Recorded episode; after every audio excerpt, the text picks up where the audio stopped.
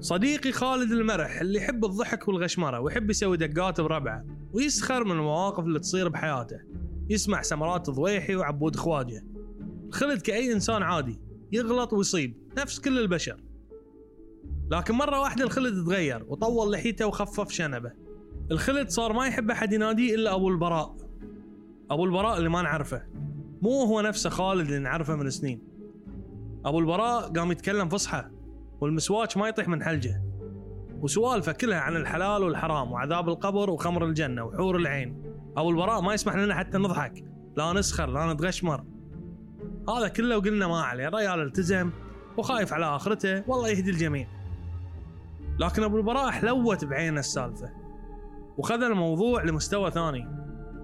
أبو البراء قام يتشمت في الصينيين لأن صادهم كورونا.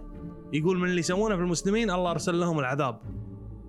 أبو البراء قام يسب أي مرة حاطة مكياج حتى لو من أهله.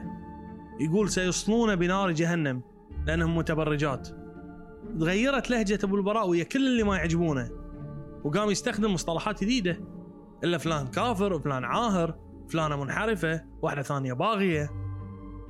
ذبحنا أبو البراء كل ما قلنا له ما يجوز جزاك الله خير كفر فينا وسحب من عندنا رحمة الله. عمي وصلت في أبو البراء يوزع صكوك الجنة والنار. يحسسك إنه هو اللي يصب سبير حق مفاتيح الجنة. ها وعلى فكرة أبو البراء ترى ما يختلف عن أبو عبد الحسين.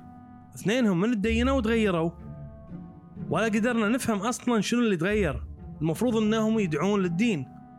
بس اللي قاعد يسوونه ما له شغل بالدين. الدين يسر مو عسر. ورب الدين أرحم الراحمين.